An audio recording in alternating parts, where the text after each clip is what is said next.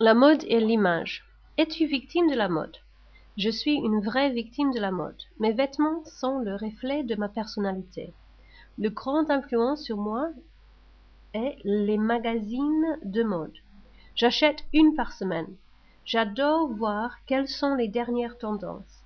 Il est impensable pour moi de sortir sans que mes vêtements ne soient coordonnés à mon sac à main et mes accessoires de mode, par exemple ma ceinture.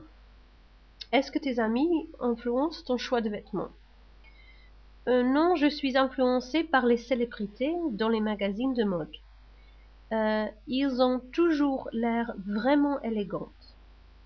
Je n'achète, je, je n'achèterai pas un jean à moins qu'il soit un, euh, une grande marque de vêtements.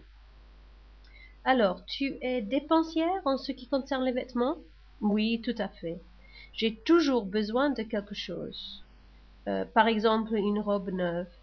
Je rêve de devenir riche et de pouvoir acheter tout ce que je veux.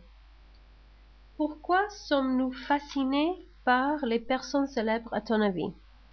Il est quand même honteux qu'il y ait des célèbres qui ne cherchent qui cherchent toujours à être à la une de la presse de à scandale.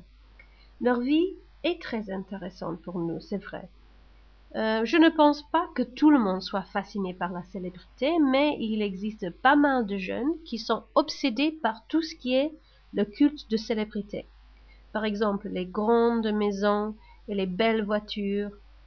Cependant, leur vie peut être compliquée. Quelquefois, ils ont des problèmes, par exemple, les célébrités, ils boivent trop d'alcool ou ils prennent les drogues.